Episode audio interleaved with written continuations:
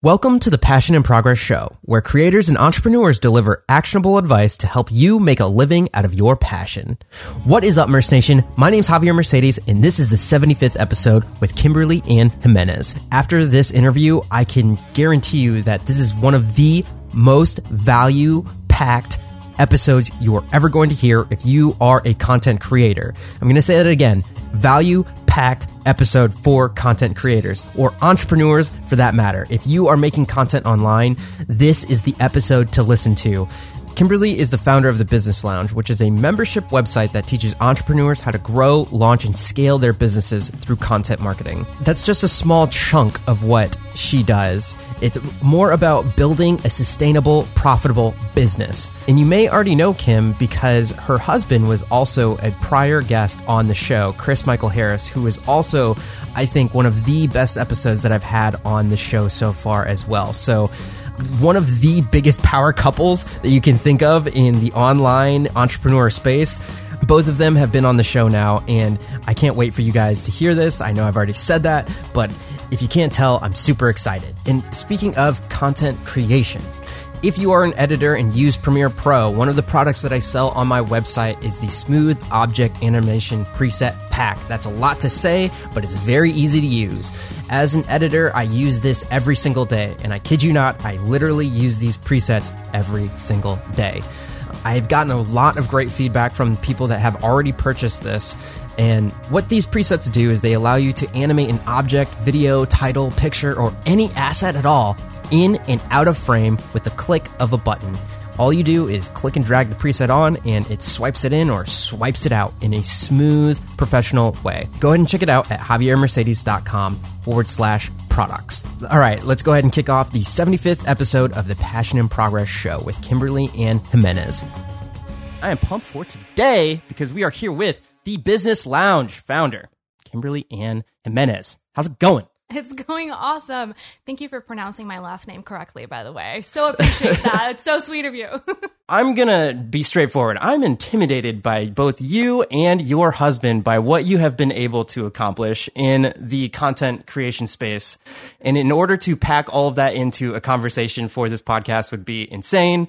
But just to talk about what you do with the business lounge, content creation in general, uh, I think the value that you can provide to the listeners is insurmountable. There's just like so much that we could talk about. Let's just begin with content creation. And there's a certain thing about like vanity metrics for your social media.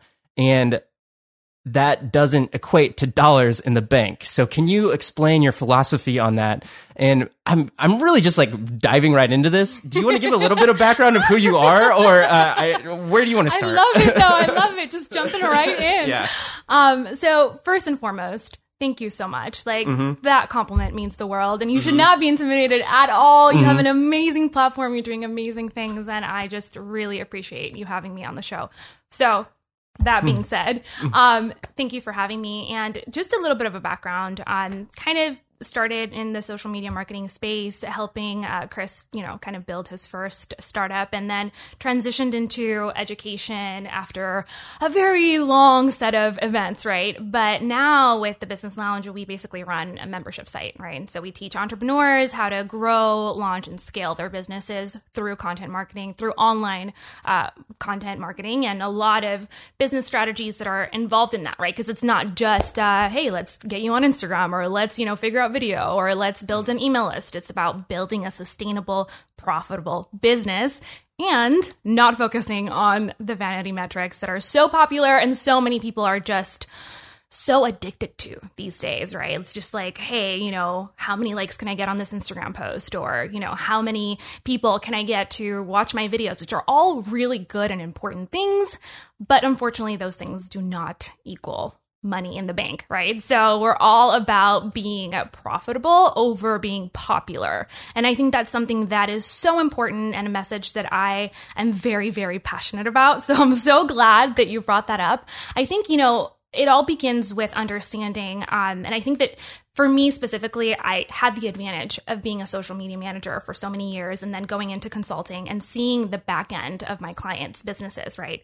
From so many different industries, from like realtors to like roofing companies to like real estate and like bigger firms that had 500, 600, you know, 1,000 employees.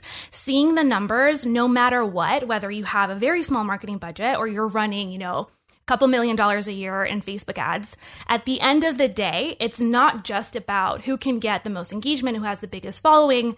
It's about who understands how to convert those followers into buyers, right? It's about understanding the process of uh, adding value to people, about building a relationship, about finding people who are your ideal clients and ideal customers, attracting those people, right? Starting with the end in mind instead of just trying to speak to everybody, trying to get, you know, the biggest amount of followings, growing your Instagram, your YouTube, whatever it may be. It's not about that. It's not about the numbers. It's about the relationship. It's about the quality. And so if you can focus on quality over quantity from the start, you won't need a massive audience to have a seven figure business. You really won't. You know, it's it's really about looking at how can we do more with what we have um, instead of just trying to go, you know, all extremely big all of a sudden um, and then realizing which is what most people do and i can't tell you oh my gosh how many bloggers instagrammers like celebrities i've coached and mentored who have incredible audiences like huge numbers and they're completely broke because they don't know um, either they don't know how to turn you know followers into buyers or they've attracted the wrong audience. So it's people who just want, you know, the freebie, who are not really thinking about doing business um, uh, with that specific brand, or just don't care enough about the offers. So I think that that's something that's really important, and I'm excited to unpack it further. One thing I'd like to point out is I think in one of your videos you did talk about you hit like 700 subscribers and then you already had six figures for your company. So, I mean, I'll say it just to like give it you compliments. though, but yeah. uh, uh, not seven, sorry, uh, not 700, uh, 7,000. Yeah, 7, uh, yeah. But I think that's to give context to the listeners of, uh, just a good, I don't know, attribution to your argument of what you're talking about. Do you Yeah. want to elaborate on that? Sure. In terms of how we got there, or I would say, where should people be focusing? Yeah. So I, honestly, it depends on your goal, right? So Mm-hmm. at the end of the day, we all need to be profitable if we're running businesses. So if you're doing this as a hobby, that's a whole different story, right? And I'm all for you growing your Instagram, growing your YouTube, your Facebook, whatever it is that you want to grow. If it's a passion project and you're doing it on the side, Mm-hmm. go you. That's where you need to focus. Just build your audience, you know, build your people. But if you're thinking about it from a long-term perspective or if you already have an established brand and you want to take it, you know, to the next level and scale it up, I think people need to really focus on building relationships with their people. Just getting to know their ideal customer, getting to know their followers. I can't tell you how important that is. Like having those conversations. And I know that Gary Vee has been quoted a million times talking about the importance of just having that interaction, that connection with your tribe. Little things like, you know, showing up on live streams if you can, like being able to answer DMs, encouraging people to have real conversations with you is something that most creators don't do. And if they are doing it, they're not doing it to the full extent that they could be. And honestly, for me, it's a little bit of a selfish strategy. And I, I really truly mean that. I spend a lot of time answering questions and just being engaged with our audience as much as I possibly can. And then furthermore, we have a business where it, that's just you know kind of embedded into um, what we do inside the membership. So i'm constantly answering questions. I'm in that community very engaged because my people tell me what they want and what they need. And i need that information if i'm going to put out offers that are going to sell. And so it's one of those kind of win-win situations where if you really fall in love with your audience um, and you're listening and you're you know having that conversation with them you're connected with them it will reap benefits like crazy for your brand because it'll give you all the information you need to number one create content that they actually care about content that is going to allow you to get discovered and bring more people into your world like them. It's also going to allow you to figure out where your market is right? Are they ready for this specific offer? What you should be pricing it at? Um, what has to be the messaging and that specific, you know, type of marketing that you're going to build to sell whatever it is you're selling, whether it's services, physical products, you know, uh, online course. All those things are so important. It's like business 101, but we don't really think about it that way because we're in the online space and we don't see people on a day to day basis, right? If you had, like, let's say your Instagram followers in one room all together, like if they were, let's say they're 300 people. Mm-hmm. All the time I hear this from members like, hey, I only have 300 followers. Like, I'm so disappointed. Like, I'm like, are you kidding me? Like, there's 300 people in a room who've literally raised their hands and said, Hey, I want to hear what you have to say. So if you imagine it that way, um, having those conversations with people in real life is a totally different dynamic than online. And so when you're running an online business, you have to go the extra mile to connect with your followers. Otherwise, you're just another brand. You're just another Instagram account. You're just another YouTube channel. You're not really they don't really perceive you as human as much, if that makes sense. Oh yeah. So I think that it's really important to have those conversations because um, it just it'll tell you exactly what you need to be creating and most brands um, who are already scaling up and i've worked with a lot of companies who are you know making a ridiculous amount of money online they don't have um, the luxury of being super in tune with their customer base. Um, usually they don't do it on purpose. Um, so when you're a, a smaller company and you can make changes quickly, you have that edge because you know your people, you're connecting with them, you know exactly what they want. Whereas larger companies, they have to then, after they're, you know, kind of skilled up, go back and start from zero, trying to understand their audience again so that they can put out, you know, put out offers that resonate with them. So it's one of those things that I don't think that we really understand the power of just being present and connecting with your audience and having real conversations and setting yourself up for success in that way. And a really practical way of kind of, because I know that that sounds very theoretical, but simple things like, you know, encouraging your audience uh, to comment back on every single post that you, you know, put out, some kind of call to action, whether they're commenting or they're replying to an email or, you know, they're sharing their feedback on a poll you have to constantly ask, you know, what what they're feeling, what their challenges are because that'll help guide your direction in general and it's such a powerful thing that I don't see enough creators doing. Just unpacking all that. In my, so in my, in my, no, no, in my brain it, it's uh it's, it's awesome. What I was going to say, so let's say somebody listening to this already has a platform that they've focused on either Instagram, YouTube, yeah. um, blogging, whatever that may be, sure. uh, on the back end. And I know I asked you about this before. Uh, we started with like email and email lists. I know that's one of the parts where I'm like, I don't know what to do with this. Like, I know I was supposed to do something with this, so I have it and it's growing ever so slowly. but when it comes to interacting with your audience, I know uh, when going to networking events and other things like that, other people are always saying that like this is your most powerful thing to be utilizing. Yeah. What kind of argument would you say f- to somebody in my case is like, hey man, you do, do something with your email list, you know? like uh, how how if you already have some sort of social media that you're using, how else could you um, use your email list? Okay, I love that question. Um, and I think it goes back to the original question that you asked, uh, kind of about, you know, how I got to six figures mm-hmm. with only about 7,000 subscribers. And it really is, again, relationships, right? So the way that you leverage an email list um, has so many, I mean, we could talk about this all day, mm-hmm. but I would say for you specifically, Javier, um, from a practical standpoint, I would be sending your email subscribers content at least once a week, right? So mm-hmm. whenever you put out a new video, just a quick, you know, hey, this is what we're talking about this week. Really excited for you to watch it. Leave a comment about what you thought with you know x question. Um, and that is a good way of training your list to know to look out for emails on your episodes. You can also it's like add- a light bulb just goes on. It's it's what you're saying is so simple and i probably have heard it before and i know i'm cutting you off but it's just like good. boom. Okay yeah that makes complete sense. Yeah.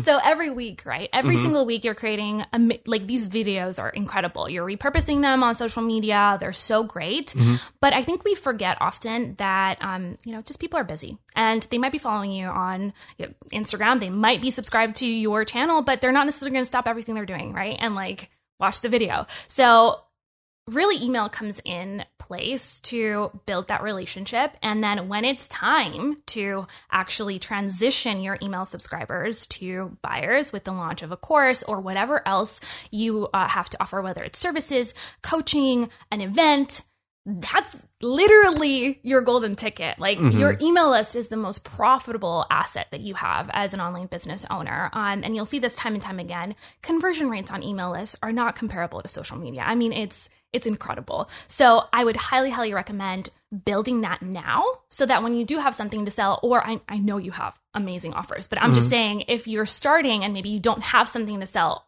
right now, you can already have built up all this goodwill with your email list, right? Like mm-hmm. you're sending them content every single week. They have to be the VIPs because anyone can subscribe to your YouTube channel. But if they're giving you access to their personal inbox, that's a big deal, right? So you want to respect it build a lot of goodwill and when it's time to you know pitch your specific offer that's where most of your clients are going to come from. They're not necessarily going to come all from social media. So highly recommend building that email list giving those people a lot of love. You can even do some cool stuff with like giving them exclusive access to bonus content. Um, not something that you have to like put a ton of time and effort into but maybe like once a month do something cool for them um, because those are the people who are going to support you when you have something awesome to well now that you don't. I'm just in yeah. general right? Mm-hmm. we have something awesome to sell well, by the way, I'll probably put that in the show notes. Yes. Uh, if you would like to sign up for my newsletter. There was one previous guest that I just had a couple episodes ago that was all he does is email marketing for nice. bigger brands. And we talked about certain things like all right, here's three value emails where we're not even trying to send them anywhere. We're just right. telling them things about a certain subject and building rapport. And then finally, some sort of like, hey, here's a click, click through certain type of whatever that may be. How does that manifest itself in what you do? Yeah, that's a great question. So, um, I totally agree with that strategy. I think that especially when people are joining your, your list for the first time and we kind of have, um, two different ways we go about it when we're sending people through a specific funnel, um, sometimes we're a lot more aggressive about, hey, this is an offer that we think is incredible value. Here's a link. We're not pitching to them directly, but there's like a PS at the bottom. Hey, if you want more information about this, click here. And it works really, really well. So it really depends on the niche and the industry that you're in. But when you're getting started, value value, value, value, value. Um, for us, uh, we kind of have two different routes that we take. Most of our subscribers who join our email list um, from our website, so organically, right? They're we're not targeting them through an ad. Um, they go through a set of videos, and we get them um, to choose kind of what type of content they want to check out next. So we give them three options. Hey, are you interested in email marketing? Are you interested in content marketing? Are you interested in branding? And so this is genius, by that, the way. yeah, that just gives them um, kind of puts them on a different email sequence, and then we send them over the course of two weeks some value emails with links to our blogs or video, just our best resources on that specific topic, just to indoctrinate them. It's literally called an indoctrination mm-hmm. sequence mm-hmm. um, and just give them that you know kind of feel for who we are and what we have to offer. And we get replies from those emails like crazy which is really cool. People just telling us like hey this resonated with us a lot. Thanks so much. Or i have a question about this. Could you answer it in the next you know episode? So that's kind of how we um, run the organic side of the business. With facebook ads we get to be a little bit excuse me, a little bit more aggressive um, in that sense because we're kind of sending people directly to an offer. And um, if they choose not to use that, then we'll send them to a webinar or a free class. And they also get to choose, like, hey, would you want to learn about blogging? Do you want to learn about social media? Or do you want to learn about branding? Um, and so that's kind of the process. But I highly recommend, and keep in mind, I've been perfecting this process for seven years. So I yeah. kind of know yeah. what will work and what doesn't work. But in the beginning, when I was first getting started, it was more of like, okay, I have one email sequence, right, that welcomes people in. And then once that sequence is over, where I'm giving them a lot of value, I put them back in my newsletter bucket. So I'm giving them, you know, consistent content every single week um, that's value add. And then when I have a launch or when I'm doing a promotion, I will send them through that. So it just depends on how advanced you want to take it, right? And where you're at right now. There's some really cool things that you can do with email marketing and automation. Like you can go as far as to really segment people based on what pages they visited on your website um, and trigger you know automations that way. Or you know what have they bought this specific product? Let's pitch them on this product and then let's put them on another sequence that like gives them a lot of value for a couple months and then let's move them into you know kind of like our highest end offer. So there's a lot that you can do. Um, i recommend starting simple and keeping it really tight and right and then adding on cool features um, as you move forward forward, but keeping in mind that those are your ideal clients. Those are the people who are going to buy, who are going to open up their wallets and say yes. So you got to treat them like the VIPs. They get all the goods before everyone else. Um, and I think that's really important of just making that distinction between people who are social media followers and then people who are your email list subscribers. I always want to make sure that we're giving those people first dibs on everything, especially when we're running any kind of promotion or you know, we're building up a wait list for our next course. Those are all really important strategies that are embedded into our entire process of, of marketing our brand. So, just as an example, whenever we're, we're about to release a new program, right? Um, and before we do that, a few months before, while we're building it, we're already sending our email list a hey, do you want to be on the early bird list for this launch? And that helps us gauge the interest and also gives us a good idea of how profitable that launch is going to be. So it's really cool. Yeah, just the idea of because I've I've joined a couple email lists now of other podcasters mm-hmm. that I listen to and after I joined and that they sent me an email and then like a week later here was another email and I was like, "Oh, this is an automated process. Oh my god, it's so much easier." and then uh, my question was going to be like, "All right, so now that it's an automated process, does your newsletter all like step on top of that?" But what you just said is then it goes into that bucket. Right. These, like all these things I've been thinking about. It's like, man, it'd be really cool if you could do. And I'm like, no, you can do that, Javier. it's just a matter of like starting simple and then uh, yeah. facilitating the tools from there.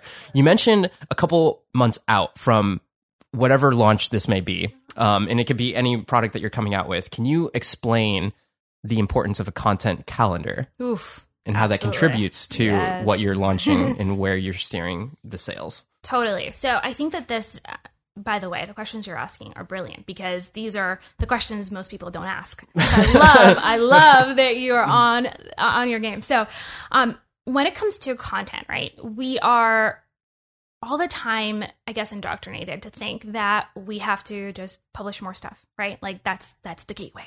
That's that's the drug. That's the way that you get to the top. It's more, more, more, mm-hmm. and that's a great thing. I love content probably more than most people think. I, I, I really do. But at the end of the day, being clear on why you're creating that content to begin with is really important. So, most people make the mistake of not merging their promotional calendar with their content calendar right? And so let's explain that first. Yeah, I was gonna say, like, I would almost venture to say you should repeat that just so it ingrains into people's brains. Yes. But continue.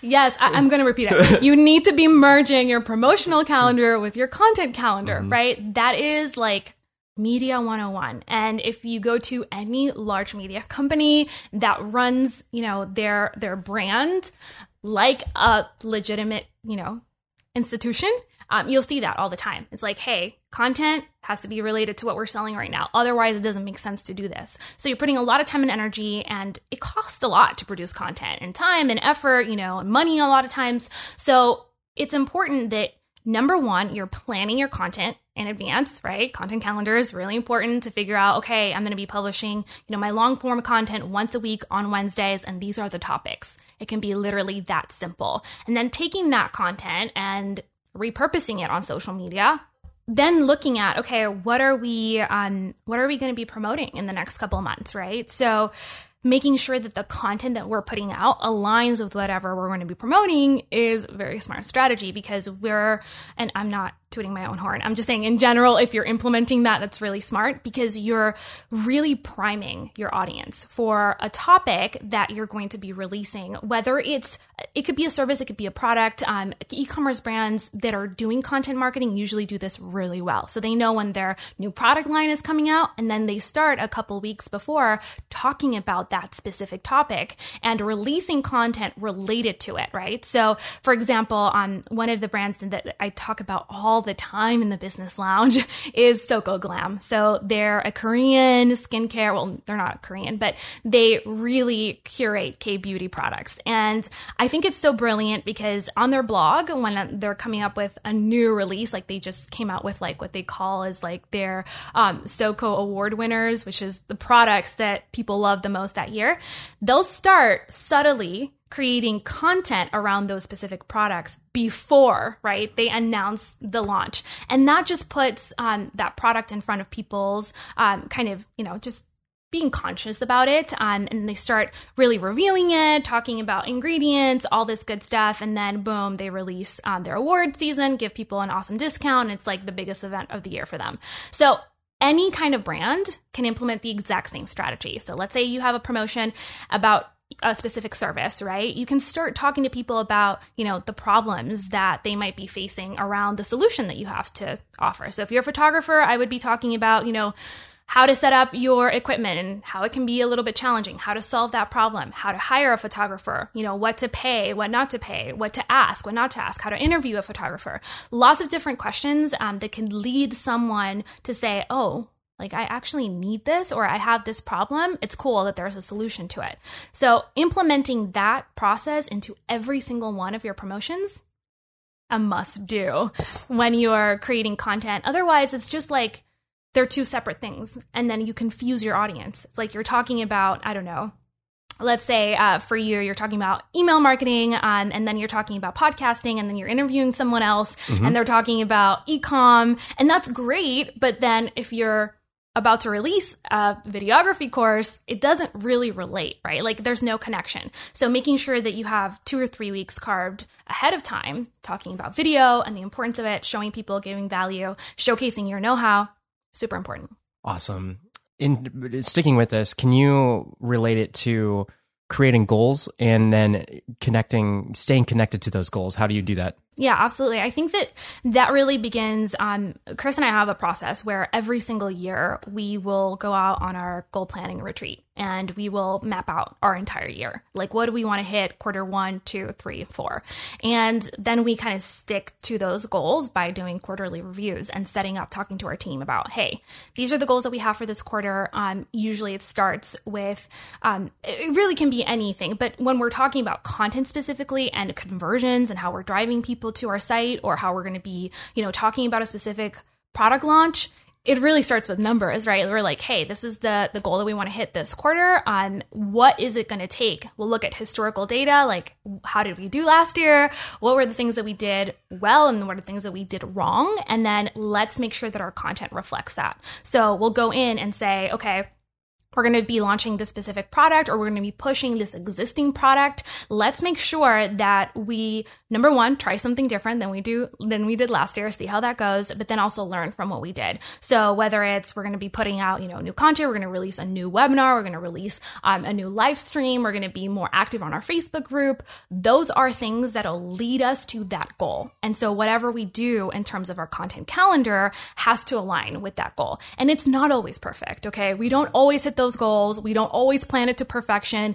Some weeks is like, oh, we need to get something out there. Let's just roll with it. Um, but for the most part, whenever we're looking at our quarterly content calendar, we're looking at our goals first. And then when you're making them, I believe it's is it KPIs, key, key performance indicators, indicators yeah. uh, just like throwing out business terms. Yes. Um, what does it look like over where you started? Like was it like 2012 to yeah, yeah mm-hmm. 2012 to where you're at now? I know you're the like software app queen. Uh, uh, like what if there was some software or something like that to help make your business life more efficient i'm sure you know about it. What in that regard have you seen changed? Is there anything that you would want to bring up in terms of creating goals and things of that nature or just staying on top of your schedule? Um, this is like a five podcast right there. uh, what, what, is there a specific app that you want to talk about right now? Cause like just recently, I, for myself, I just went into Google Calendar and I started mapping out all of the, I want all of these videos to come out by this time. And just like the other day, I switched up a video because of the concept and it was because something was trending. But at the same time, I don't have to burn the midnight oil in my brain, or I guess con- comparing it to a computer, like I'm not running all of that memory Yes. to to always think about oh always reminding myself oh yeah I wanted to make a video about that or on top of emailing that other person and I got to post that one thing and then just by having it all solidified in a calendar has made it so much easier but I know from just briefly watching some of your content you can take that to a whole nother level and make it so much more systematized Yeah. uh, where do you want to go from there I love it. Okay. So let's talk about um, systems for managing your own personal workflow. And then let's go into cool tools that you could use to track Cool analytics. tools. Yeah, cool tools. um, so I think the first thing is um, finding a project management tool. I think that's a must have. For you, it sounds like Google Calendar is awesome and that works for you. I love Google Calendar. I think it could be an awesome project management tool. Um, and there's some really cool ways out there that you could be using it. Um, personally, I love using Trello. I'm obsessed with it. And so if you've ever kind of looked at you know, tools like Monday.com, Podio, Basecamp, Asana, they're all generally designed to help you manage your day to day tasks, right? Like put things in a list, make sure that you have projects that connect to those, uh, you know, little tasks that add up to something bigger. So for us, we run our entire team on on Trello, everything from our content calendar to literally my grocery shopping list. I run my life and my business on Trello, and I think it's really important to just have one project management tool. It could be anything that jives with you. Um, you don't have to stick to Trello, but I think it's one of the best out there um, because it just gives you that space of like being able to put everything that's going on in your brain into, you know, digital paper. And you don't have to worry about, okay, I had this one idea.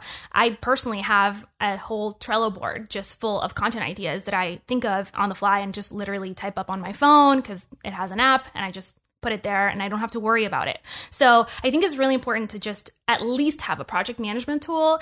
Uh, if you have a team, this is like insanely important because you want to make sure everyone's on the same page. So, for example, my video editor is in the Philippines, and whenever I upload a video, we have an entire checklist of the things that need to happen for that one video to turn into a blog post, like 20 different social media posts, like everything you can think of, a newsletter, um, how we're going to repurpose it, how we're going to edit it. Every single person on my team has an entire checklist of things that need to happen to make that video, you know, into a blog and release it into the world. So I think that it starts with you, your personal workflow, getting something that works for you you know, it could be things like, um, what am I going to do um, today? What am I what am I going to move to next week? And then, you know, what are things that are done? And having just the ability of like, just brainstorm once a week, have everything you're going to get done. Make sure you pick out your three priorities, the things that are non-negotiable that have to get done by the end of the week. Prioritize those. That can be that simple. But there's so much we could talk about productivity. I think that is the basic. You have to have that. And then make sure that at the beginning of your day, you're planning top three things. What are the three things I have to get done today? Because there's so much that you could get done, so much that you probably need to do, but it's not always things that are conducive to the goals that you have. And I think that's the biggest, um, I would say, shift that a lot of us have to make. Um, on any given day, I have 45 different things I need to get done. Those things are not all going to get done. But I know that I can get three things done that are going to bring my company a little bit further that, that day and closer to reaching goal. That's super important. And then looking at the same exact model from a week perspective. Three things I need to get done this week, non negotiables, no matter what happens, those things need to get done. Um, and then, same exact concept with your month, with your quarter, with your year.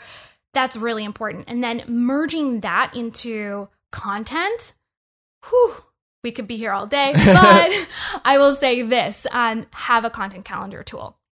I don't care what it is. If you use Trello, if you use CoSchedule as an amazing tool, if you use Google Calendar, another amazing tool, just have a sequence, a schedule, an agenda. Treat your company like a real brand. Like give it the respect it deserves and get off all of that stress you know, off your shoulders because it's unnecessary to be thinking about, oh my gosh, what I'm going to put out next week. Like, I have no way of knowing like You're preaching What we're going that to used to be that way. Yeah. you know what I mean? Then you're scrambling the night before, like, Mm-hmm. oh, what am I gonna or or not even the night before, the morning of. right the morning of and you're like uh like no that that's unnecessary so um just have at least a content bank of ideas put them on there even if they move around like you said there might there's tons of times where we're moving around content all the time but we know these are the 12 things we're going to put out this quarter like that's it. It doesn't matter the order. We'll rearrange it. No big deal.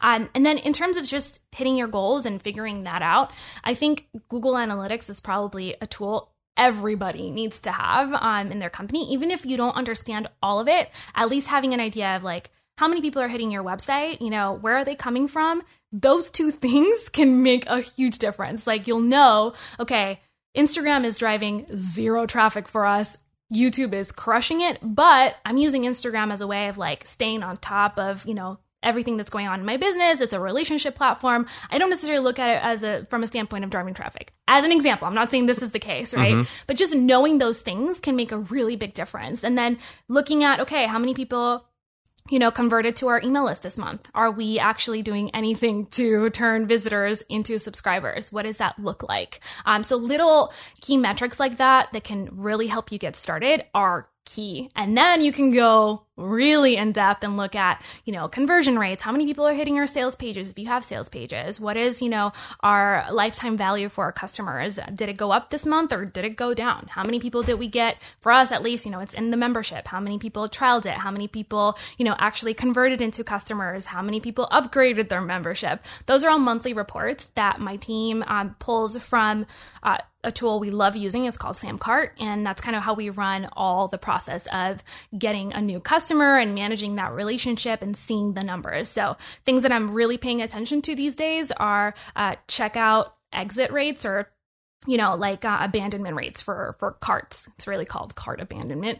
Um looking at that aspect and just making small tweaks to our uh, pages our sales pages and our checkout pages we've been able to double conversions just by looking at how people are engaging you know with with our uh, content and how are they kind of going through all the way to almost buying or completing the purchase and why they decided not to. So it's really interesting all the little things you can track. Uh, but I think at the core level, I think looking at your traffic, looking at your conversion rates for your email list, um, and then knowing where your traffic is coming from, super important. And then if you are really into growing a specific social platform, awesome. Look at your followers, your unfollows, look at your engagement rate, look at your impressions, um, and gauge, you know, what is resonating with people content wise.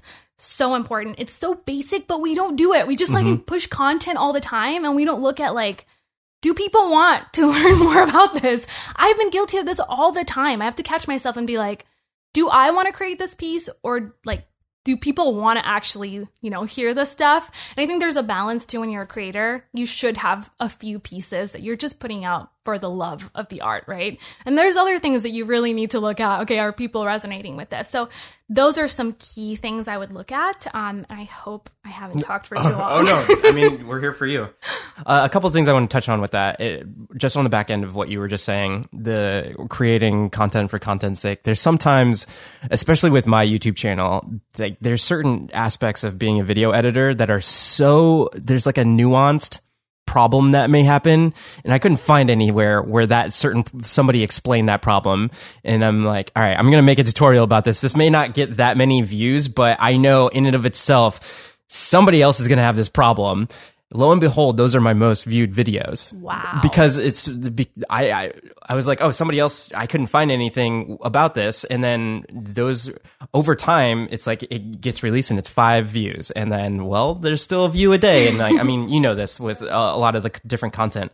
So I, I would also kind of piggyback off that saying that if you have come across a problem in your creating searchable content the in you're passionate about helping others in a certain degree something that's helped me at least in the youtube space is creating videos on, on some really niche uh, errors that might happen in premiere pro and things of that nature That is so cool. I love that tip actually. Mm-hmm. Yeah. Um in terms of so does that just come as a result usually of you kind of experiencing that issue, Yep, like you mentioned, and then you just come up with a tutorial. That's brilliant. I think that's a great strategy. Yeah, the there's another guest I had on the show, Cody Wanner. He's a another YouTuber vlogger guy, really awesome dude, and he had this concept about his ways of teaching tutorials, and if you've experienced it yourself and you can tell that story, it's so much more gratifying, or you can relate to the person in that experience way more than if you're just trying to read about it and then repurpose some other person's or some other type of content, you know? I love that. I love that. You know why? Because um, I, I preach searchable content. I think it's necessary and it's very important that you're doing research, but there's always that balance, right? Like there's never like this formula of like this is what you do first and this is what you do second and then your YouTube channel explodes or your blog explodes. Like, you know what I mean? So for different niches and different um different creators, I think it's so important to at least experiment. Like give yourself that, you know, two three videos. I don't know if you if you're putting out a lot of videos, maybe it's a month, maybe it's a quarter. Uh, We're, we don't put out that many videos, so for us, it's maybe two or three a month, um, a quarter, not a month, and experimenting seeing you know putting st- stuff out there and seeing if it works. Um, i love that. I'm so glad you brought that up because it's very very valuable to to other creators to see give them permission you know just to play around with things. Yeah, and there was um, going back to what you were talking before, conversation about goals. I want to know specifically uh, for your daily goals, just the three that you have. Can you give examples? Because for me specifically, I just started picking this up maybe a couple months ago, just Okay. writing down three daily goals. Yeah. and to be honest, some of them could just be write this email. Okay. and uh, make that post, and then obviously there's like make sure I finish this video. Yeah. But I found that just putting down the even if it was something as small as writing an email to a person, I know that I mean maybe they'll um, reply or may, not reply, but that's moving the needle. yes So, what's that look like at where you're at in your business? I love that you asked this. Um, so I talk a lot about um, the Full Focus Planner. It's one of my favorite. So I'm totally about digital tools. Love Trello. Love all the digital things. But I think the biggest game changer for my productivity really came about having a physical planner. Um, and I know that doesn't make any sense because it's like, wait, you just told people to use Trello. Um, but I think merging things um, and kind of finding what works for you is important, and this is what works for me. So the entire system that the Full Focus Planner has, it basically gives you a weekly review, and so you check out like what were your biggest wins for that week. Did you accomplish the three things that you set out the previous week? And then what are you going to work on the next week, right? So every single week, I'm setting up three things that I need to get done, and usually it's around a specific project. So, for example, this week I'm refilming um, version 2.0 of our Zero to Branding course. And for me, one of the big important things I needed to get done this week was that course, right? So, um, by Friday, I know that that needs to get done. Another thing that was important happening this week was this interview, and I put that down on there. It's like, hey, I have that going on Friday. So once I know the things that I have to get done, I'll look at, okay, three things, you know, three important things for the week, and then everything else that goes on, right? So, uh, team meeting this week, I needed to finish a blog post. I needed to send out my newsletter for um, the business launch, which goes out every Tuesday. I needed to um, upload some new videos for my editor. All those things go in one list, one big weekly list, and then every single day I have space to move those things that I need to get done that week into Monday, into Tuesday, Wednesday, Thursday. that. Does that make sense? Oh yeah, so, you're, you're you have a it's like you have a whole vat full Yes. of, of these are goal things. Yes, exactly. And of all those things, if none of them get done, that's fine because these three have to get done no matter what. So on Monday, I'm opening up my planner and I'm looking at what do I need to get done this week? Let me move three of those things into Monday. And then I know that on Monday I have more than three things to get done. Like I have to get back to this person. I have to, you know, talk to one a team member. I have to uh, make sure that I fill out my Instacart because we're not going to have cereal in the morning. Like that kind of thing, right? But that's true. That I, I just for the listeners, I wanted to point out that these goals could be something, just something like that. It's like, oh, make sure that I get my walk in this morning, or that that kind of thing. Totally. Like I literally will have read 10 pages of the book I'm reading this week or like work out. Those are all things in my that day, but the top 3 are like simple things. Like I know that I need to record lessons one through three of this course today, or I will fall off track by Friday. Does that make So sense? true. So those are the things that I'm looking at from um, a day to day perspective and a week to week perspective, and it's very like. Nor- like I'm not talking about big like get 2000 new subscribers by Friday like no I'm looking at my goals and like actionable things I need to get done Yeah, for sure. I completely can relate, and uh, especially since doing it myself, uh, it, and putting out what I wanted to achieve content wise on a calendar and s- physically seeing it on a technology Yes. and a, physically seeing it in a digital space um, gives me a much higher view of wow i really have put the bar way past what i should be able to achieve in this time. And thinking about like certain contents of like I have a podcast every Wednesday and I know how long it takes me to edit those podcasts. And then I'm like, oh, but I want to get these videos in and I want to get this Instagram post in. And then like as I see it on the calendar, I'm like, that's completely outrageous what I've been putting myself through to do this. And uh, now I had, now I have a much better understanding of, all right, where can I focus my energy and what steps to take next? If that makes sense. I love that you brought this up because it's so important and so true. So, I went through this exact same process. When I was first starting my business, I literally had like a list that was never ever shortened because the minute I crossed something off, something else went in. And it felt like I was never moving forward. Like I wasn't really making progress. Could I, could, could I just ask? Because for me personally, it's like these are tasks that I know I could get done, and I know if I could sit down, do do like the deep work or whatever, I know I could get it done. Oh, like, this could just be an hour here, two hours there. These are like so. So in my mind, when I'm looking at it, I'm like, okay, cool, I can do all of this. And but then when you see it in a bigger picture, it's like. Like Yeah. I, no, you can't get all of. You don't have thirty hours in a day. exactly. I love that. And you know, the biggest um, shift for me was I was working with a mentor about two years ago. And up to that point, I thought I had a great productivity system in place. And I still realized that they gave, they have a huge company um, and they give themselves 90 days to complete one project. And I was like, wait, are you kidding me? Do you realize that that means I can only get four things done in a year? That's crazy. And they're like, no, you don't understand. Like, when you get things done the right way, those four things are levers that you move in a year. Four major things that are going to make the biggest impact. Instead of trying to get all the things done and not re, because I would try to get, you know, little projects done and then I'd be like, okay, it's 90% done. Like, I'm good, or I'll revisit this in two months because I'm totally burnt out on this one thing. Famous last words. exactly. I'll revisit that. So, um, it was really shocking to me that the way they operated at such a high level, they were still only giving themselves like four major things to get done in a year.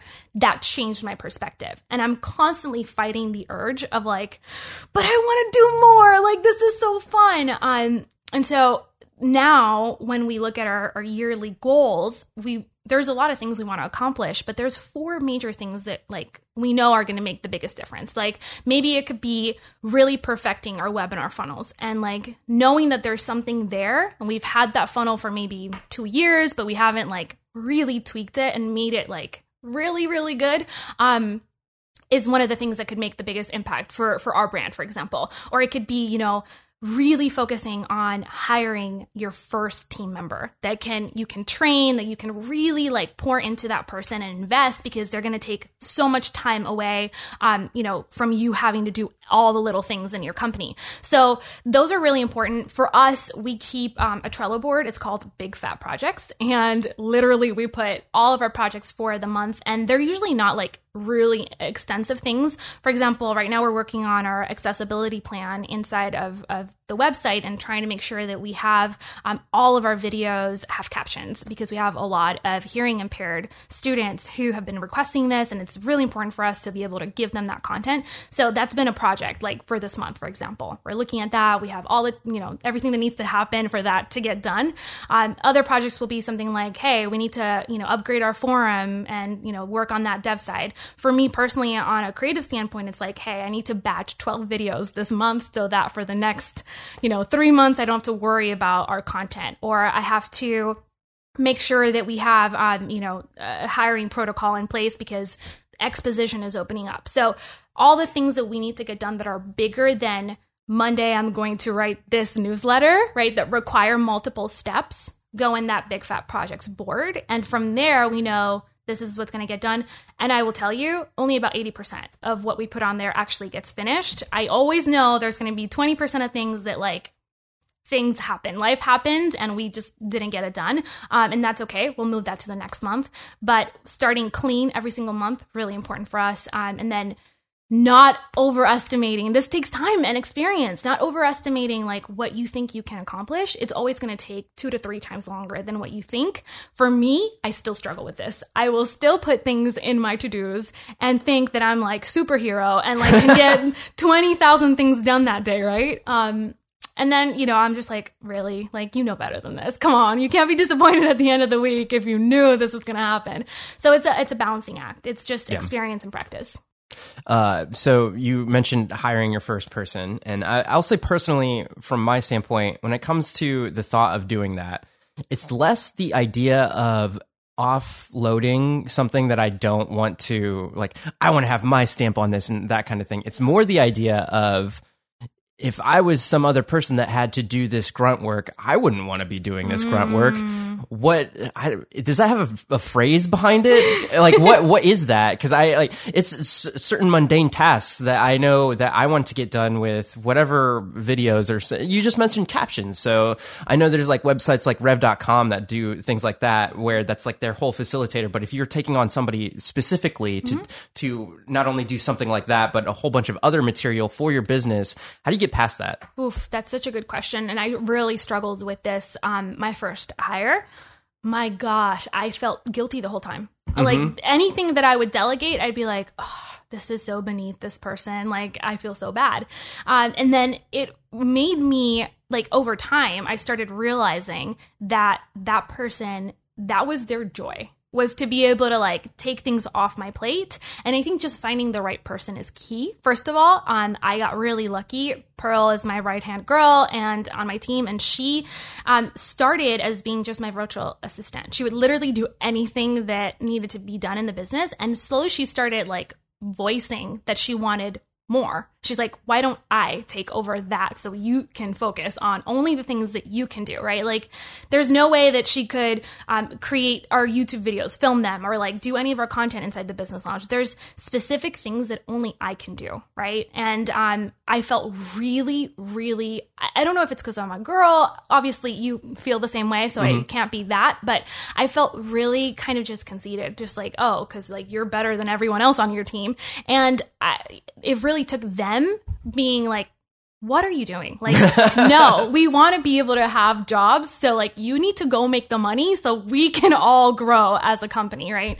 And so I started realizing slowly, and, and Chris was really instrumental in that too. Um, just him sitting me down and being like, you can't do this all by yourself or you will literally stay small forever. Like, you have to realize that in delegating the things that other people can take away from your plate. You can focus on making more money, which means you can pay them more, which means you can offer them benefits, which means you, they can go and have three week, you know, paid vacations every year and take their families on uh, amazing trips. And those are all things that have happened over time because I was, um, you know, able to kind of get over that mentality of like, oh, that's grunt work or that's, you know, beneath anyone. Let me just do it myself and hold it, you know, to tight in the chest because I'm trying to be a good leader. Really, what you're doing is hurting your company's growth and the opportunity that other people might have, right, to do those things for you is something that I think we underestimate. Not everyone is an entrepreneur, and that's a really good thing, right? Like,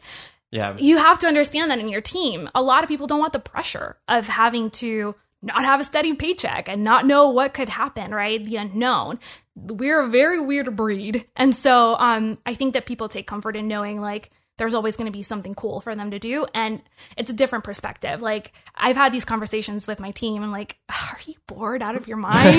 like, how are you not like, they're like, no, like this is I love doing this stuff. I know that every morning I'm gonna have, you know, something that, that I'm doing. And like our editor, for example, it's like, bro, you have to be like so bored of like doing this over and over again. And there's so many videos that we request. He's like, no, it's like literally, he said, um, it's like having TED Talks every week because I'm learning while I'm editing these videos. So it's just a different perspective. And oh, having open channels of communication, I think, is really important too with your team and finding the right person who understands like the value that they actually bring doesn't, isn't related to a specific task. It's really letting you do what you do best. There's so many. Uh, want to make a five hour long podcast. um, do you know who Ed Mylett is? I don't. Uh, so he's another like podcaster guy, Awesome. um, pretty big in the um, male entrepreneur space. Oh, cool. Um, so randomly, and this is just to dovetail off the story that you're talking about with your editor. Um, when I was audio editing in uh, the studio in Atlanta for a couple years, towards the end there, we got a couple tapes from this guy named Ed Mylett. And I was editing them, and it's a lot of like motivational, inspirational, actual action, actual actionable business tips.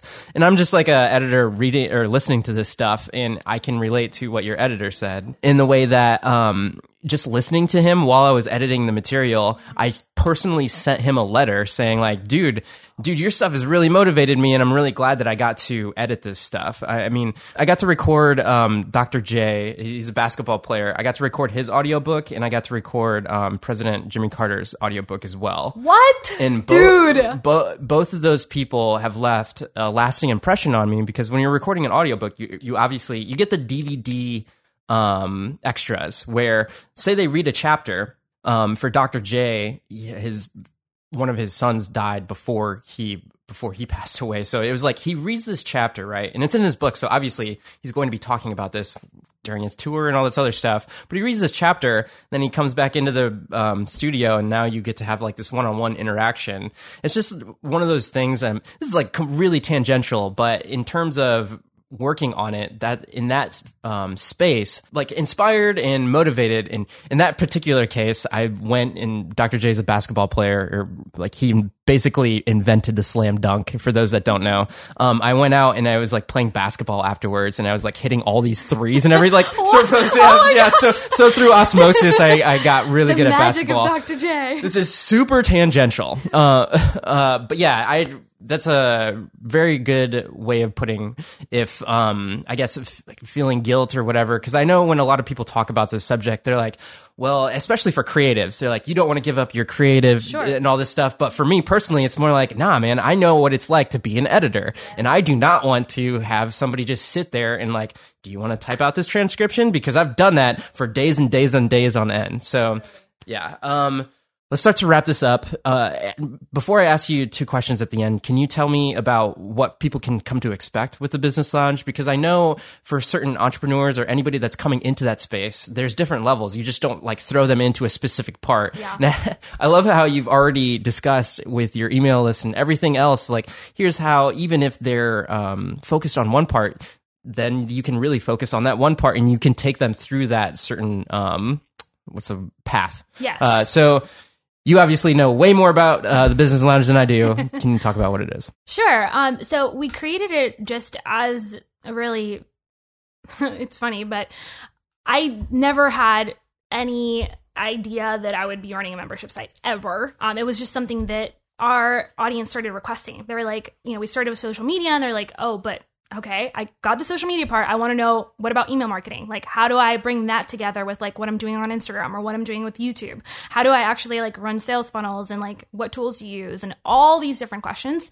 So I realized that there really wasn't a program that allowed people to connect the dots, right? So they're learning individual courses about uh, video editing and they're learning about, I don't know, accounting or they're learning about, you know, how to convert people or how to grow a, a following. And a lot of times they're getting contradicting advice, right? And it's really good advice, but it's not really what they need to be working on when they're getting started or when they're, you know, kind of in the hustle stage or when they're in the breakthrough stage. So we decided we wanted to create on a success path of sorts where people could that really term, a Yeah. success path. It's so cool. Yeah, so that people could just have a basic breakdown of what they need to be working on based on where they're at in their journey. So someone who's launching a business is not supposed to be focused on what someone scaling a business is focused on, right? So for example, I was seeing a lot of our members who are like, literally didn't have a website, but we're trying to already outsource. And that's a big mistake. Like you want to make sure you're profitable enough, right? And you have a solid, validated business idea before you go and spend all this money hiring someone to only have to let them go because you can't sustain that hire. So looking at all those things, we decided, hey, let's come out with a framework um, and help people identify at what stage of the success path they're in, right? Whether it's validation, whether they're in the launch stage, the hustle, breakthrough, and scale. There's so much that can happen in those stages. And then let's give them specific to dos, things to focus on, things that are going to help them get to the next phase faster. And with that, we created an entire curriculum, right? These are the courses you're going to take in this phase. Please ignore everything else until you are in the next phase. Otherwise, you're just going to get overwhelmed with the amount of content in the business lounge.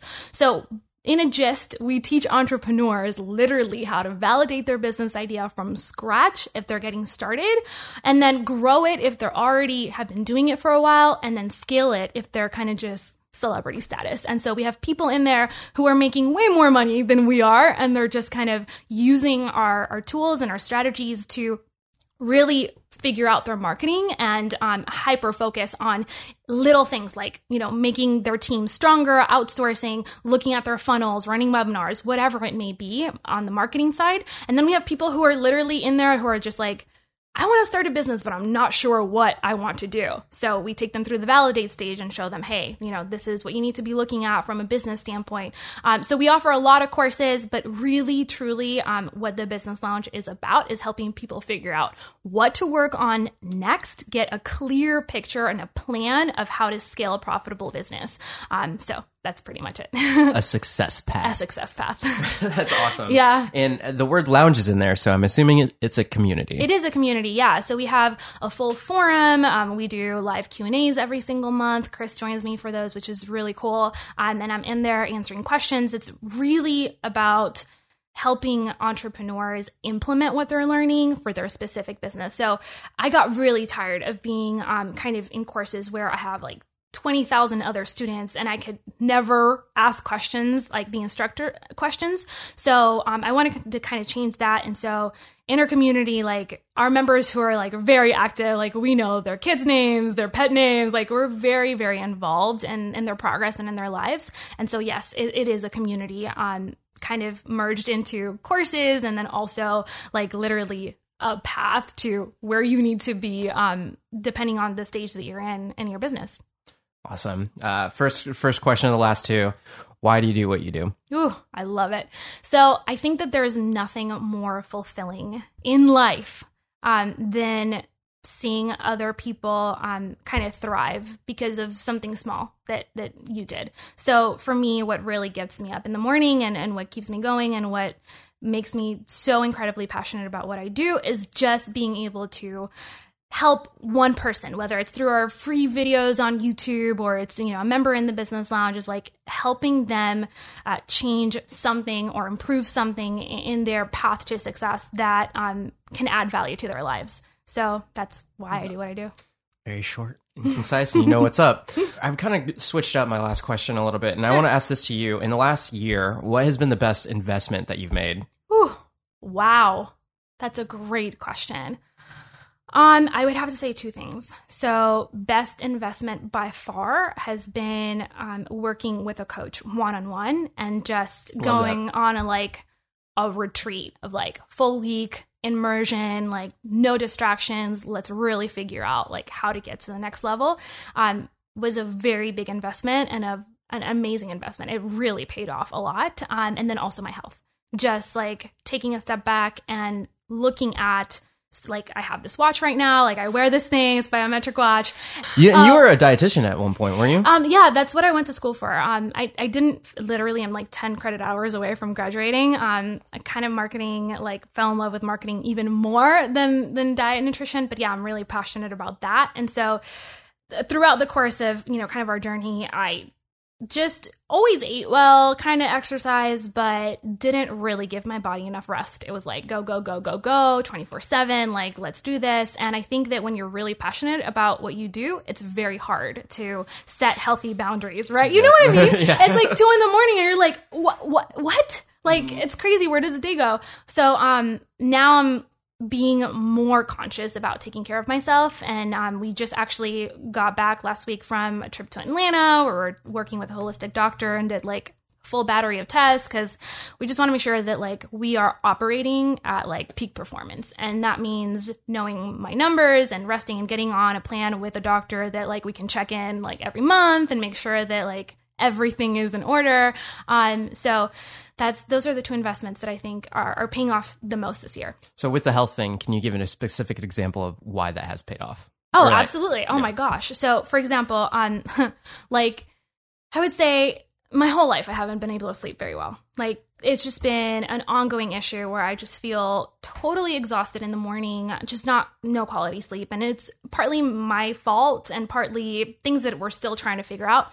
But the last year I created a sleeping routine. I was like, you know what? I'm going to commit like 7:30. I can't work after 7:30 because I noticed, Whoa. right? Yes, exactly. You, you, have you stuck to it? I There's have. Not, there's not one night that you've. No, of course. I, I of was, course, I was gonna I say, cheated, like, man, sure. that's some discipline there. for sure. I know there's been definitely more than one night where I haven't stuck to it, but on 80 20, right? 80% Yeah, of yeah, time yeah, I'm yeah. I was gonna say like, there's got to be some fire that you had to put out for oh some. my gosh, yeah, all yeah. the time. Or like, you know, my team is on the other side of the world and like the only time they can meet is like 8:30 Mm-hmm. at night. I'm like, okay, well, let's do it. But I know that those days where I'm I'm on after 7:30, it takes me two three hours to come down from like the hype of running my company. I'm like so into it and there's problems that come up and i'm like pissed at something or something didn't go right right you know? Um, or, or i'm really excited about a project and i just want to keep working on it. So um giving myself that time has transformed my life. Like i'm not even joking. For real being able to sleep i wake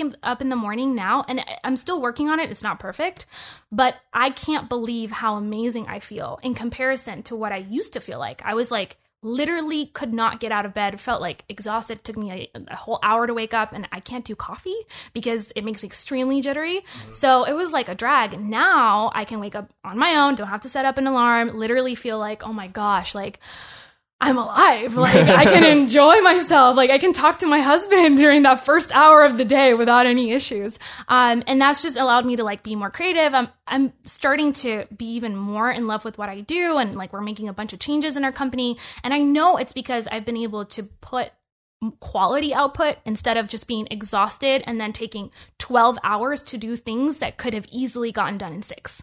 Does that make sense? Oh yeah. So that's kind of where I'm at is like investing more in my health, setting healthy boundaries with myself because I'm the issue. Um, and then Did you work up to it? Do, were you like seven thirty or like cold turkey? Like, all right, today I'm just gonna. It's all seven thirty, or were you like eight thirty, then seven thirty, like maybe seven forty five, then we moved down to seven thirty. That whole thing. it was cold turkey, but I gave myself space to transition. Okay. Meaning, um, I had already, for example, like my team knew that we were going to do weekly meetings at a specific time, and like I was like, okay, I'm going to make that exception. Like 8:30 to 9:30, I'm going to be in a team meeting every week. That's fine. And slowly, gradually over time, I've been like, okay, like I literally have an alarm that goes off at 5:30. That's like wrap up the day. You have two hours, you know, and those little things helped me. But it was it was gradual in the sense of I gave myself permission to cheat and not be super um, intense about like beating myself up if I missed it.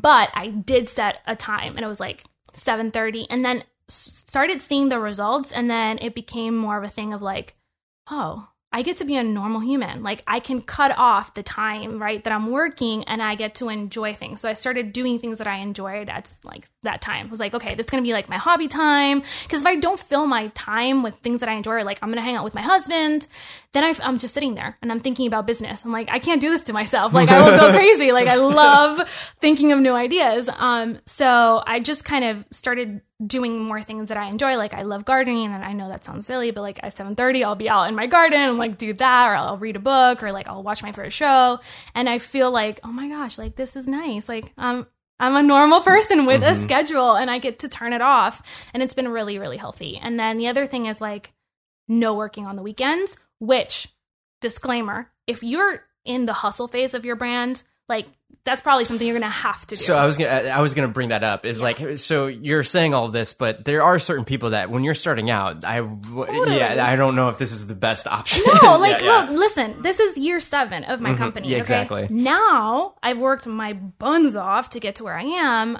I get to, you know, kind of slow down a little bit Mm-hmm. and use my time smarter. Um, there were many times where I was, you know, had a full time job, clients on the side, and was a weekend warrior. Like a hundred percent. It was like all work all the time. I don't necessarily think that's healthy, but I do think that be conscious of the stage that you're in and your success path, right? Mhm. Like not everyone is going to be able to do that. And i think that even if you are you know hustling on the weekends or you're working nights because that's the only time you have to work start small. Like what are some things that you can do to invest in your health? Maybe it's like you know eating a couple more greens during the week or like meal prepping on the weekend or just carving out two hours in the week to do something you enjoy. Those are little things that i wish i would have implemented because I didn't and I burned out hard. I would have been so much further along than I am right now if I would have taken care of my health in an appropriate way that resonated with the stage I was in, right? Like if you have kids, like I'm not a mom. Like if I was a mom, it would be totally different story. Yeah. So you have to apply, um, you know, kind of these principles into what your life looks like now and the stage of business that you're in, and kind of, you know, look at it as as a goal or a thing to to strive for. If that jives with you, some people are like, I can't stop working at 7:30. Like it makes no difference for me. I can literally, you know, go to bed at 12 and like the minute my pillow hits uh, my head hits the pillow, I'm out. That's not me. Like I my mind will keep going. I'm super hyped. My watch will literally be beeping like calm down, like rest, like your your heart rate is out of control because I'm excited. So just know yourself and then apply whatever is going to work for you. Just make sure that you do it. Like put something in your health bucket because it'll 100% pay you back a thousand times over. I know I'm just like totally taking all of your time away, but No, no, I, no, I no, think there's good. I think there's one question that I want you to answer, and if people are already not listening to the podcast, don't matter. Um, what would you say to female creators in in terms of creating on the platform right now? And like, what's interesting to me is uh, as when I grew up, like my my mom was like the breadwinner of the family. Like she was she was like Cool. um I, I really looked up to her. So I like I love seeing but and also to give a good example, like I really love watching the women's um national soccer team and like I'm really into the NWSL. Shout out if anybody knows anybody on the women's national soccer team, could you please send them my contact info? Um, but for women creators on the platform right now, what would you say to them? Um, any kind of creator, right? Yeah, Okay. yeah. So I would say, girlfriend, this is your time to shine because it has never been a better time to start a company or a brand or be a creator, a female creator that is, than now. Um, I feel like literally the world is a different place than it used to be, you know, even 10 years ago. Like I, I was just talking to to Chris's mom about this um, when we were in Atlanta. Um, women are just taking a stance and i feel like we're taking the business world by storm we're starting businesses five times faster than than males and i think that the internet has a lot to do with it the fact that we don't have to choose anymore we can still be bosses and be moms and be whatever we want because we can do it from home. Um, and even if you don't work at home, it's an amazing time to be a female entrepreneur. Um, I would say empower yourself, really, really educate yourself. Um, make sure that you are focused on the right strategies. Don't get distracted and do not listen to the noise. There's a lot of voices out there um, that don't necessarily um, understand what it's like to be a female entrepreneur, right? So it's totally okay to kind of carve your own path. There's there's all these different um, you know people that I feel like tend to put women in a box. And from a female perspective, especially when it comes to doing business in a mostly male dominated space, don't let anybody put you in a box. Like, do not allow other guys to be like, you need to do this, or other girls to say, oh, you need to do that. Like, find your own path and trail, you know, your your own path, your own journey, because we have so much to offer as females to the world. Like, there are so many amazing gifts that I see um, in in females specifically that I feel like men don't necessarily have and that's a good thing. Like there's so many things that men bring to the table that women don't have and that's totally okay. We have to just own who we are. We don't need to be guys. We don't have to perform like them in, in the workspace. We just need to be who we are females and celebrate um, what it is to be a woman and just build a brand around it. I feel like a lot of of women in the past they had to exert this like super alpha energy um in the workplace and like change who they were to fit into a male dominated environment. Um, and that's not the case anymore. Like women were allowed to be women and I think that's an amazing and beautiful thing. It doesn't mean that like we're better than men or that men are better than us. We're just different. And that's a beautiful, beautiful thing. So I think women on just need to just go out there and get it. And mm-hmm. don't be afraid of what people are going to say. Um, don't choose just follow your path and your dreams um, and, and don't let anyone put you in a box. It's interesting because coming from uh, a male's perspective is uh, I listen to Jenna Kutcher and like and she's always like, well, we have some male people that listen to like man, like I like you get, put out really awesome content like that thing. But and also another specific example is uh, I think one of the most recent posts that you just had was, "Hey, um, this is a girl post. If you are a male, yes. you're not going to dig this." But I think that speaks volumes to what you just said, where it's like, "Hey, I'm going to do this. Just know that I still have the content for you, but this is for my ladies." Yeah, this is for my girls, and like uh, that's another. I like, do you sit here and do the Beyonce dance? Like, well, I love it. Yeah, you know, it's one of those things where like people are always asking me like, uh, "Are you building a female brand?" It's like, no, I'm just building a brand, and, and I'm a girl, so like girls are going to gravitate towards me and that's awesome. Like i'm going to have pink and black and like purple on my website. I'm going to female and like really girly and i do have to give my husband credit for this because for a long time like i, I have honestly i have more male followers on youtube than i do females. Um, and i'm very aware of that but it doesn't change my aesthetics it doesn't change the way that you know i look and feel because i follow so many dudes online mm-hmm. that are so awesome and i get so much out of you know like their content and i don't look at whether or not their branding is like flowers and feminine so that i can relate to it right like i see the value it doesn't doesn't bother me. It's cool. Um, so a lot of times, you know, we'll get people asking like, "Oh, is this for dudes? Like, are dudes allowed?" Of course, like everyone's allowed mm-hmm. in our community. Like we we have a lot of of men who are are in the business lounge, and that's awesome. Yes, it's mostly female dominated because that's just the yeah. nature of things. But um, for me, I I'm very very like aware that we have two different kinds of people and I'm going to be serving something special for the ladies. I'm sorry, I can't do like a dudes talk section because that would be very weird. yeah. But um in in the business lounge for example, someone was like, "Can you do like a makeup tutorial?" And like I was like this is not business related, but yeah. if they want that, that's awesome. Like we'll do a section and then I'll have male guests that'll teach my guys how to dress up for videos and look mm-hmm. fly. You know what I mean? So it's like it's really awesome to be able to have a space where you can do both, and that's okay. All right, so talked about so much. Um, where can people find you? okay, so our main uh, website is kimberlyannjimenez.com. You can find all the details about us, our courses, all the good stuff, social media links, um, and then also on all social media handles at Kim Ann Jimenez. Thank you so much for your time. Thank you so much for inviting me. This was one of my favorite conversations we've ever had. So this is really cool. Thanks. Awesome. Uh, and if you would like to share this conversation that was so awesome with another person, you could write it out on a parcel and mail it to somebody with the link. I, I want somebody to do that, please. Um, and then please uh, take a picture of it and then uh, tag me. Post it on Instagram. on, on Instagram. please. All right. Uh, until next episode, live a life of abundance. And I'll see you guys on the next podcast. That is it for this episode, Merce Nation. I hope you got as much out of this episode as I did because, man, was that value packed. And speaking of value, if you've gotten anything from this podcast and you would like to support me, I am on Patreon. That's www.patreon.com forward slash Javier Mercedes. For those of you that would like to support me in what I've been doing with this show. I might start doing a monthly behind the scenes podcast for Patreons only, or maybe that could be some other piece of content that is valuable to those in that community. It's up to you guys. I really want to bring value to you in a way that would help both of us out. So, again, that's www.patreon.com forward slash Javier Mercedes. Thank you guys again so much for listening to my show and all the support you've given me so far.